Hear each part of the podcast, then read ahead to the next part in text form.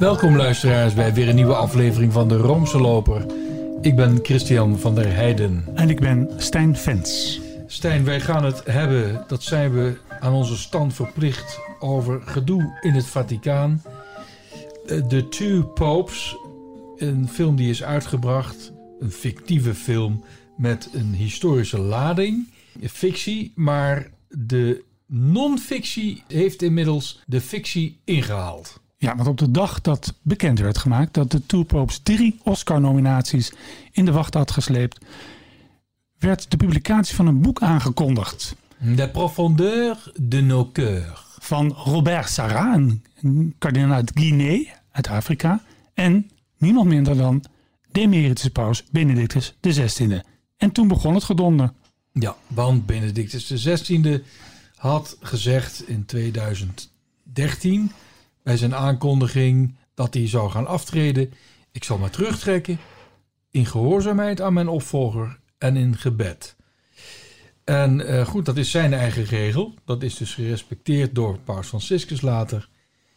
En als je in, ja, als je je eigen regel overtreedt, dan word je eigenlijk in de publieke opinie gekruisigd. Ja. En dat is ook gebeurd. De honden lusten er geen brood van. In de media wordt al het lelijkste wat, wat een geest maar kan bedenken over deze arme man uh, verteld. We kunnen een greep doen uit allerlei columns. Gaan we niet doen. We willen de collega's niet afvallen. Maar uh, sta mij wel toe om jouw collega Bas, die heeft een mooi interview gemaakt, of een klein interview voor een nieuwsbericht, met Rick Tors, kerkrechtsgeleerde in, aan de Katholieke Universiteit Leuven. Leuke man, leuke man. Maar of die KU Leuven nog zo katholiek is, dat weten we niet. Maar in ieder geval, die zegt dus tegen collega Bas, zegt hij, het is hoogst ongebruikelijk dat een ex-paus op zo'n gevoelig politiek punt invloed probeert uit te oefenen. Ja, dus wat is dan dat zo'n gevoelig punt? Het celibaat. Ja. Ja, is dat zo gevoelig? Daar gaat het eigenlijk altijd over in de media, dat celibaat. Volgens mij is het celibaat buiten de kerk een groter issue dan in de kerk. Nou, wat hij bedoelt is dat het hoogst ongebruikelijk is dat een ex-paus. Dat is inderdaad hoogst ongebruikelijk, want we hebben de laatste nee. 600, 700 jaar geen ex-paus gehad. Dus nee. het is hoogst ongebruikelijk. Dat er dat überhaupt een ex-paus is. Ja. Uh, hij gebruikt ook het woord tegenpaus. Ja, dat komt later. Benedictus, ik ga even door met het citaat, ontpopt zich nu als een soort tegenpaus. Dat hebben we sinds de middeleeuwen niet meer gezien. Nou, dat vind ik wel even kort door de bocht. Het is dus niet zo dat hij, dat hij nu eigen aanhangers probeert te recruteren om een nieuwe kerk te stichten. Uh, dat hij al met een tiara op gaat lopen. Wat hij misschien bedoelt is dat Benedictus XVI voor zijn trouwe aanhangers, die er nog steeds zijn, en van wie er sommigen niets met de huidige paus uh, op hebben, dat die hem eigenlijk een beetje gebruiken als een soort tegenpaus. Ja. Dat zou wel kunnen. Nou, ja, maar, maar Ratzinger, la, laten we hem dan gewoon eens Jozef Ratzinger noemen. Ja. He, voor alle duidelijkheid. En laten we misschien ook eens eerst eens zeggen wat, wat er eigenlijk in het boek staat. Hoe ziet dat boek eruit? Ik heb geen idee. Ik, ik heb alleen maar wat er in Le Figaro staat. Hè. Die hebben dat maandag in een voorpublicatie uh, gebracht, wat, die, wat daar dan in zou staan. Maar het was eigenlijk vooral de mening van kardinaal Sarah ja. die naar voren kwam. Kijk, ik heb vandaag, uh, woensdag 15 januari, geprobeerd het boek online te kopen. Dat is me niet gelukt. Dus ik moet het ook doen met mensen die het boek al gelezen hebben. Nou, het schijnt dat er een soort, eerst een soort begeleidend schrijven van een, uh, van iemand van een derde is. Dan komt er een inleiding die ondertekend is door Sarah en Benedictus. Dan komen er twee essays. Het kleinere essay van Benedictus en het grotere stuk van Sarah. En dat eindigt dan ook weer met een conclusie waarbij de naam oorspronkelijk boven stond. Of, Ja. bo- of nog steeds boven staat. Ja, Dat weet ik ervan. En kern van het boek is natuurlijk dat zij ervoor pleiten om dat verplichte priestercelibaat in ere te houden. ja. Als algemene regel voor priesters in de Latijnse kerk. ja, maar niet om de celibaatsplicht af te schaffen. Nee, natuurlijk niet. Nee, overigens, Matteo Bruni, hè, dus de huidige Vaticaanse perschef, kwam ook meteen met een reactie. Hij zei van deze, de huidige paus Franciscus wil helemaal niet tornen aan, eh, aan die kerkelijke wet. Dus Die eigenlijk, geldt voor de Latijnse kerk. Ja. Ja. dus eigenlijk zou je kunnen zeggen, maar dat is mijn eerste boute stelling van deze podcast, dat als het gaat over het celibaat, de beide pausen, de two popes, eigenlijk redelijk dicht bij elkaar zijn. Want ook Franciscus heeft volgens mij op de terugweg van eh, de Wereldjongerdagen in Panama in het vliegtuig gezegd dat hij het celibaat ziet als een geschenk. En dat hij helemaal niet van plan is om dat voor de hele Latijnse kerk af te schaffen. Hij ziet dat niet zitten. En dan zegt hij van ja, we we moeten geen tweede rangs priesters eh, creëren. Wat natuurlijk een hele vreemde eh, uitspraak is, vind ik. Want als je priester bent gewijd, dan ben je altijd priester. Het maakt niet uit wat de omstandigheden zijn. Dus of je nou celibatair bent of niet. Dat zegt hij toch ook niet over bijvoorbeeld priesters in de Oosters-katholieke kerken. Nee, raar ja. Trouwens, ja. diezelfde Benedictus, die heeft dus een constructie eh, gecreëerd voor Anglikaanse priesters. eh, Die dus niet eens maar waren met een vrijzinnige koers van eh, de Church of England. Zodat zij dus als priester, gehuwde priester, in de Rooms-Katholieke Kerk konden blijven celebreren. Dus als er, als er één paus is geweest die de deur op een kier heeft gezet voor versoepeling van het celibaat, sterker nog, hij heeft het versoepeld, in zekere zin, Ja. dan is het Benedictus. Dat is, heeft een hoop consternatie gegeven. Het op Twitter viel iedereen Ja. over elkaar heen. Laten we eerst eens kijken, en dat, is ons, ons- dat is onze taak, om te kijken wat er nou gebeurd zou kunnen zijn, want we weten ook nog niet alles. Precies. Hè? We, hebben het, eh, Zet de feiten eens op een rij. we proberen de feiten even op een rij te zetten. Ja. Ehm, als wij kardinaal Sarah moeten geloven, was hij, had hij van plan, had hij van plan een boek te schrijven over de, identi- de identiteit van de priester en in het bijzonder ook het celibaat, de plek van het celibaat daarin. Hij kwam, geloof ik, in september vorig jaar, dus 2019, was hij op bezoek bij Benedictus in dat klooster, hè, dat Mater Ecclesiae, dat klooster in de Vaticaanstad waar Paus Benedictus en zijn entourage wonen. Hij zei, nou, ik ben hiermee bezig. En nou ja, toen is er iets gezegd van, nou, door Benedictus, ik heb nog wel ook iets liggen. Misschien kan het u van dienst zijn. We volgen nu even de versie van Sarah. Sarah heeft dat in ontvangst genomen. Dat was misschien ook niet helemaal af. En die heeft Franciscus laten weten, ja, dit is zo groot. En dit moeten we niet in een tijdschrift publiceren of online. Ik weet niet of hij dat gezegd heeft hoor, maar dat moet een boek worden. Nou, dat boek, dat ga ik wel samenstellen. Hij zegt dus dat hij van het hele productieproces van dat boek waar we het dus nu over hebben, hè, wat zoveel ophef heeft veroorzaakt, dat hij Benedictus daarvan op de hoogte heeft gehouden. Sterker nog, hij zegt dat ehm, Benedictus zelfs de cover heeft goedgekeurd. Dat is de versie van, Sarah. Nou, dat nieuws brak dus zondagavond via Le Figaro. Toen viel maandag viel iedereen over Benedictus heen. Tenminste, de meer links, links ingestelde journalisten en weet ik veel. Toen in de loop van maandag kantelde dat verhaal in die zin dat er vanuit de entourage van Benedictus, misschien wel zijn privésecretaris, aartsbisschop Georg Genswein, het bericht kwam, maar ja, we, we wisten helemaal niet dat het een boek zou worden. We hebben helemaal geen cover gezien. En toen was het gedonder pas echt in de glazen. En toen kreeg het ook iets van een soap, vond ik eigenlijk. Ja, en iedereen doet dan zijn beklag erover. Maar men gedraagt zich ook een beetje als wolven die rondom de entourage van Benedictus heen cirkelen. En zodra hij een faux pas maakt, waf, dan wordt hij gegrepen en wordt hij de grond ingeschreven. Dus enerzijds doen ze als Satan, hè, zijn ze, eh, doen ze beklag over hem. Satan betekent de aanklager. Jij deugt niet, jij hebt dit fout gedaan. En van de andere kant dan zijn ze in hun hand aan het wrijven van dankjewel voor dit spannende verhaal. Satan. Nou ja, Satan, Het is een. diabolos betekent beschuldigen, aanklagen. Dus de media klagen hem aan, die Benedictus. Nou ja, goed. Ik laat jou even met Satan. Ik maak het feitenrelaas even af. Wat er toen gebeurd is, dat ging allemaal heel erg snel. Dat uiteindelijk eh Georg Genswein met een prachtig Italiaans woord chiarimento kwam. Hè, dus dingen duidelijk maken. Namelijk dat volgens eh Genswein wisten Benedictus en hij zelf dus helemaal niks van een boek. En Sarah kreeg de opdracht, of liever gezegd de uitgever kreeg de opdracht via Sarah om de naam van Benedictus als mede-auteur te verwijderen. En daarna vond ik wel mooi. Volgens eh Genswein eh, geloofden ze nog altijd in de goedheid van Sarah, dus Benedictus en, uh, en Genswein. En was er sprake van een misverstand. Inmiddels, ja, ik wil niet zeggen de katholieke kerk lag aan gruzelementen, maar er was wel wat gebeurd. Maar het was dus allemaal een misverstand. We moeten er trouwens snel bij zijn met dat boek. Volgens mij gaan ze als warme broodjes over de toonbank. Want het wordt een collectors item. Ja, natuurlijk. Het is, ja. Trouwens, ik, het doet mij denken, even, even een zijstapje. Midden jaren 60 is er een LP van de Beatles uitgebracht in Amerika. Mhm. Met erop de, op de cover de Beatles in doktersjassen met baby's en bloed. Ja, dat is zogenaamde zwaar, Butch cover. Ja, ja. Daar zijn een aantal, eh, tien- 10.000 exemplaren van eh, gedrukt. En Toen ontstond er ontzettende gedoe over.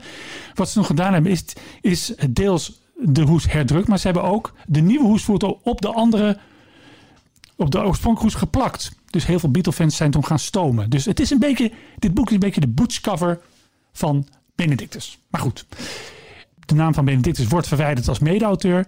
Maar ondertussen houdt Sarah vol dat hij de waarheid spreekt. Die heeft ook op Twitter de hele briefwisseling tussen hem en Benedictus gepubliceerd.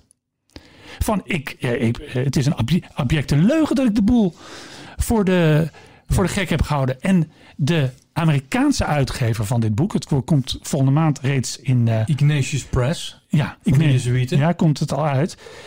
Die, heeft, die zegt. Die blijven vol- achter Sarah staan. die blijft hè? achter Sarah staan. En die, eh, nou, dat is de, de uitgever, een, een Jezuïet, Joseph Fessio, zei tegenover Catholic News Agency dat het onjuist is dat Benedictus geen toestemming zou hebben gegeven om zijn bespiegelingen wereldkundig te maken. En dan citeer ik: Zeggen deze mensen nu werkelijk dat kardinaal Sarah is betrokken bij een samenswering om de waarheid geweld aan te doen? En met andere woorden, dit is geen fake nieuws. Dus, dus ik heb wel gedacht, vol- volgens mij is het Ja, en diezelfde pater die jij aanhaalt, die, eh, die zegt ook al jarenlang bevriend te zijn met Benedictus XVI. Hè? Ja. Dus die, dat is toch... Ja, nou, Kijk, wat er volgens mij is gebeurd. Op het moment dat, dat, eh, dat het nieuws naar buiten kwam, zat het Vaticaan, de Vaticaanse persdienst, was natuurlijk in verlegenheid gebracht. Ze hebben natuurlijk onmiddellijk een statement uitgebracht om te laten zien dat er continuïteit is tussen die beide pontificaten. Ook als het gaat om het standpunt over het celibaat. Maar ze hebben natuurlijk ook gedacht, ja, eh lossen jullie het maar op. Dus er is een, misschien wel een telefoontje naar dat eh, klooster gaan, Mater Ecclesiae. Eh geachte Monsieur Genswijn, los het maar op. Ik denk dat eh, de Jezuïet Jorge Mario Bergoglio hier achter de schermen... Zelf heeft ingegrepen. Ik denk het wel. Ja. Nou ja, dat gaat dan via de persdienst. Ik denk niet dat hij zelf belt. Dat laat hij doen. Nee. Ik, eh, Kijk, ik, ik heb Sarah ontmoet hè, vorig jaar. ja, je hebt een interview Ik heb een interview met hem gehouden. Nou, het is een man die een hele bepaalde visie heeft op de westerse maatschappij. Die niet de mijne is. Eh, maar hij komt op voor de identiteit van de priester. Het lijkt me niet een man die liegt. Nee, ik hoorde trouwens vanochtend ook al mensen zeggen... hij zal wel aandelen hebben in die uitgeverij. Nou. Want het is toch heel typisch dat juist nu... The Two Popes zo populair is, die film. Die door vriend en vijand eigenlijk als een schitterend vertelsel wordt beschouwd. Eh, wat er nu speelt, dat is eigenlijk eh, gespind, zeggen ze dan. Nou, dat is natuurlijk een absurd idee. Dat eh, Sarah, dat dit gespind zou zijn... om zowel The Two Popes als dit boek extra in de publiciteit te zetten. Maar Christian, of Genswein liegt, of Sarah liegt. Er moet één toch... Of Ja. ligt de waarheid ergens in het midden? Is er dan inderdaad, om een- om met Genswein te spreken, met de persoonlijke privésecretaris van Benedictus, is er toch een sprake van een misverstand? Tuurlijk, en dat zegt Genswein ook. Die zegt ook niets ten nadele van de kardinaal Sarah. Eh, we, we geloven in zijn goede trouw. Maar het is gewoon niet goed doorgesproken. En ik snap ook wel hoe dat... Kijk, als jij en ik iets samen iets doen, dan gaan we bij elkaar zitten. Hè? Of we gaan appen. Maar ga jij maar eens eh, appen met een emeritus paus... die amper overeind kan staan, die zijn vingers bijna niet meer kan gebruiken. En daar is Genswein voor. Ja, daar is Genswein voor. Maar die man is ook niet zo toegankelijk.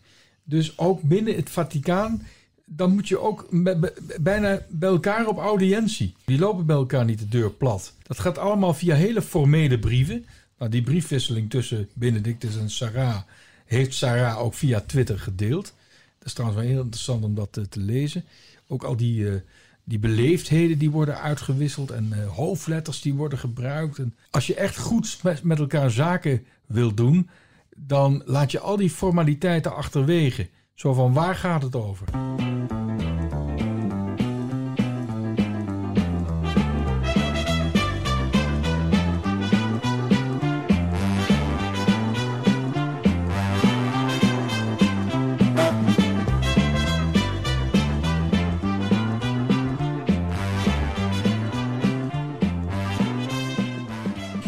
Die hele berichtgeving werd ook gezegd, hè, naar aanleiding eh, van de eerste aankondiging in Le Figaro. Ja, de paus, eh, de emeritus paus Benedictus, die loopt Franciscus voor de voeten. Die saboteert eigenlijk wat Franciscus wil. Iedereen weet altijd maar wat Franciscus wil. Hè? En eh, ze weten allemaal dat hij progressief is en dat hij allemaal de kerk wil veranderen. Dat hij van dat celibaat af wil, wat helemaal niet het geval is. Eh, wat we wel weten is dat de meerderheid van de synodevaders van de zogeheten Amazone-synode... dat die dus een uitzonderingsstatus willen maken voor die kerkelijke wet in ver afgelegen gebieden. Dat is alles. We moeten het nog maar afwachten wat de post uh, synodale apostolische exhortatie, naar aanleiding van die Amazone-synode, wat die precies gaat behelzen. Dat weten we niet. Maar uh, bij de NOS en, en, en, al die andere media, nee, nee, iedereen, iedereen weet het al. Paus Franciscus wil van het celibaat af. Nou, dat is dan uh, Jonathan Price. En dan Anthony Hopkins, die wil niet van het celibaat af. En dan krijg je een prachtig conflict. En dan, en dan, en dan kun je de, de, de luisteraars een prachtig, mooi verhaal à la de Two Popes op dis. En dan zeg je van dit gebeurt echt. Maar mag ik je dan toch even iets tegen je aanhouden, Christian? Om een kantoortaal te Ik heb een dialectische geest, dus ik, uh, ik zou je het kwalijk nemen als je dit niet zou doen. Nee. Was het nou toch niet beter geweest als op, op het moment dat Sarada kwam en die, die wist dat er een tekst kwam en ze toch echt wel door hadden dat dat een boek zou worden. Of dat het althans ergens gepubliceerd zou worden. Dat uh, Benedictus of zijn, even zijn zaakwaarnemer, zou maar zeggen. Georg Kenswijn had gezegd, nou, doe het maar niet. Nee, natuurlijk. Dat, dat is ook zo. Maar kijk, we zitten hier ook in een soort terra incognita. Want er zijn uh, dus überhaupt een, een, levende uh, ex-paus. Dat is al... trouwens, wacht. Ik moet even iets rechtzetten. Benedictus is paus. Nee, Benedictus wordt zelfs door de huidige paus paus genoemd. Maar hij is geen bisschop van Rome meer. En hij is geen uh, pontifex meer en geen herder van de universele kerk. Maar je mag hem best paus noemen. dus de two popes. Mensen zeiden van ja, maar er, zijn, er is maar één paus. Nee, er zijn er twee, maar er is maar één bisschop van Rome. Zo zou je het kunnen zeggen. He, dus we moeten ook daarmee, om het woord van Franciscus te gebruiken, de zaak goed onderscheiden. En ik weet wel dat tijdens de audiëntie op woensdag ja. Uh, Franciscus wel eens roept van en drie hoeraatjes voor Papa Benedetto. Ja, hoera, dan, hoera, hoera. Ja, er is helemaal niks mis mee. Nee, dus nee. dan zegt de huidige paus, die noemt de emeritus paus paus. Dus fijn. Maar het gaat erover, dus in het kerkelijk recht, daar zie je ook niet bijvoorbeeld in de verschillende canones, de, de, de wetsteksten, zie je niet staan papa, maar Romanus pontifex.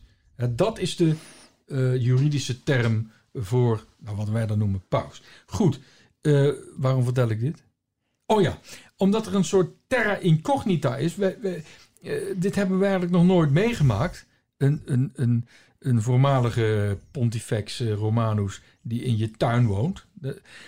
Zijn er ook geen regels hoe dat zo'n emeritus zich dient te gedragen. En ik weet nog wel dat toen hij zijn aftreden had aangekondigd, Benedictus, in januari 2013, in die sede vakante tijd die er volgens ontstond eind februari, want hij ja, was eind februari afgetreden, er verschillende kerkjuristen zich vreselijk druk maakten en die, die zich grote zorgen maakten. Ja. Want die zeiden, de emeritus paus bestaat helemaal niets. Zoiets nee. als een emeritus paus. Dus nee, dat is volstrekt nieuw.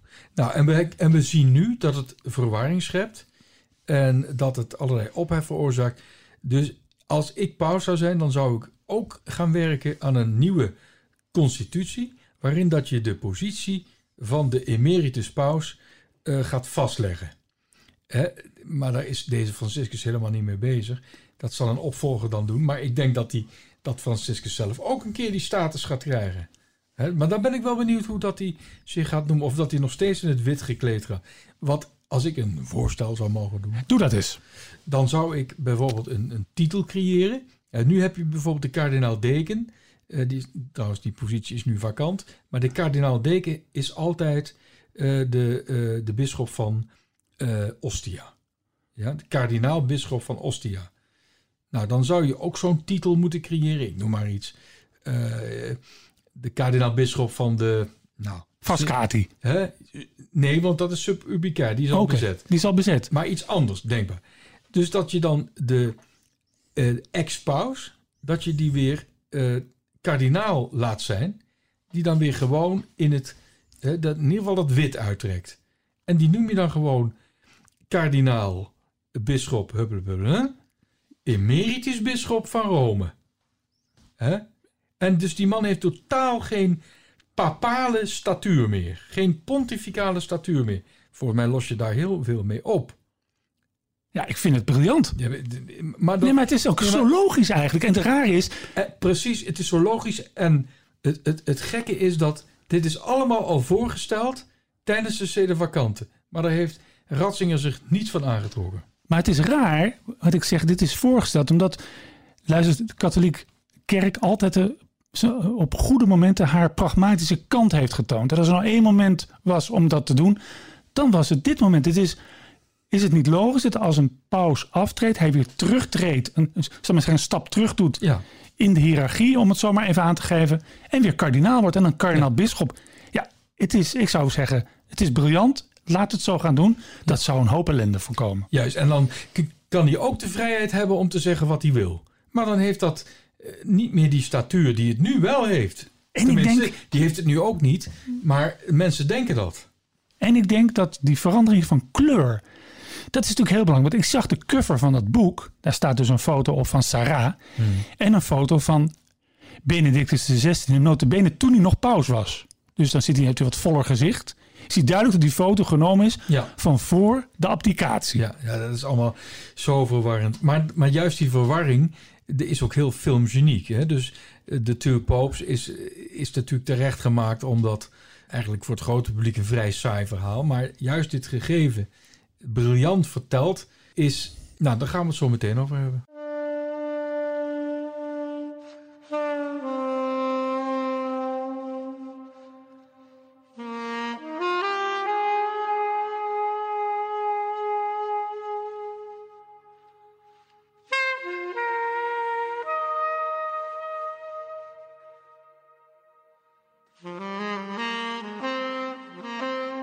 Ja, luisteraars, wij zijn u een verontschuldiging verschuldigd. Want wij hebben nagelaten u een fatsoenlijke recensie te bieden van The Two Popes. Als er één onderwerp is dat goed past bij de Roomse loper, dan is het deze film wel. Want wij zijn een soort showbiz-rubriek. Het gaat over katholicisme, het gaat over Vaticaan. Nu komt het allemaal bij elkaar en we hebben het nog niet gedaan. En u moet maar denken, eh, het voorafgaande in deze podcast was het nieuwsgedeelte van de krant. En nu komt de bijlage met de recensie. En daar gaan we nu mee beginnen. Christian, is het een goede film? Ik vond het een geweldig goede film. En dat zeg ik niet zo snel. Ik vond hem echt heel goed. Daar klopt natuurlijk geen hout van met de feitelijke gang van zaken. Is ook totaal niet belangrijk.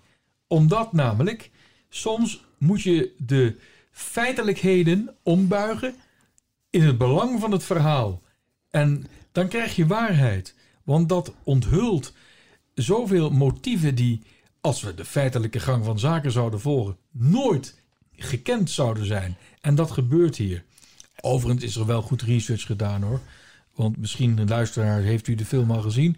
Er worden ook flashbacks getoond naar het verleden van Bergoglio als provinciaal van de Argentijnse Jezuïeten. Wat hij allemaal heeft mee moeten maken in die vuile oorlog.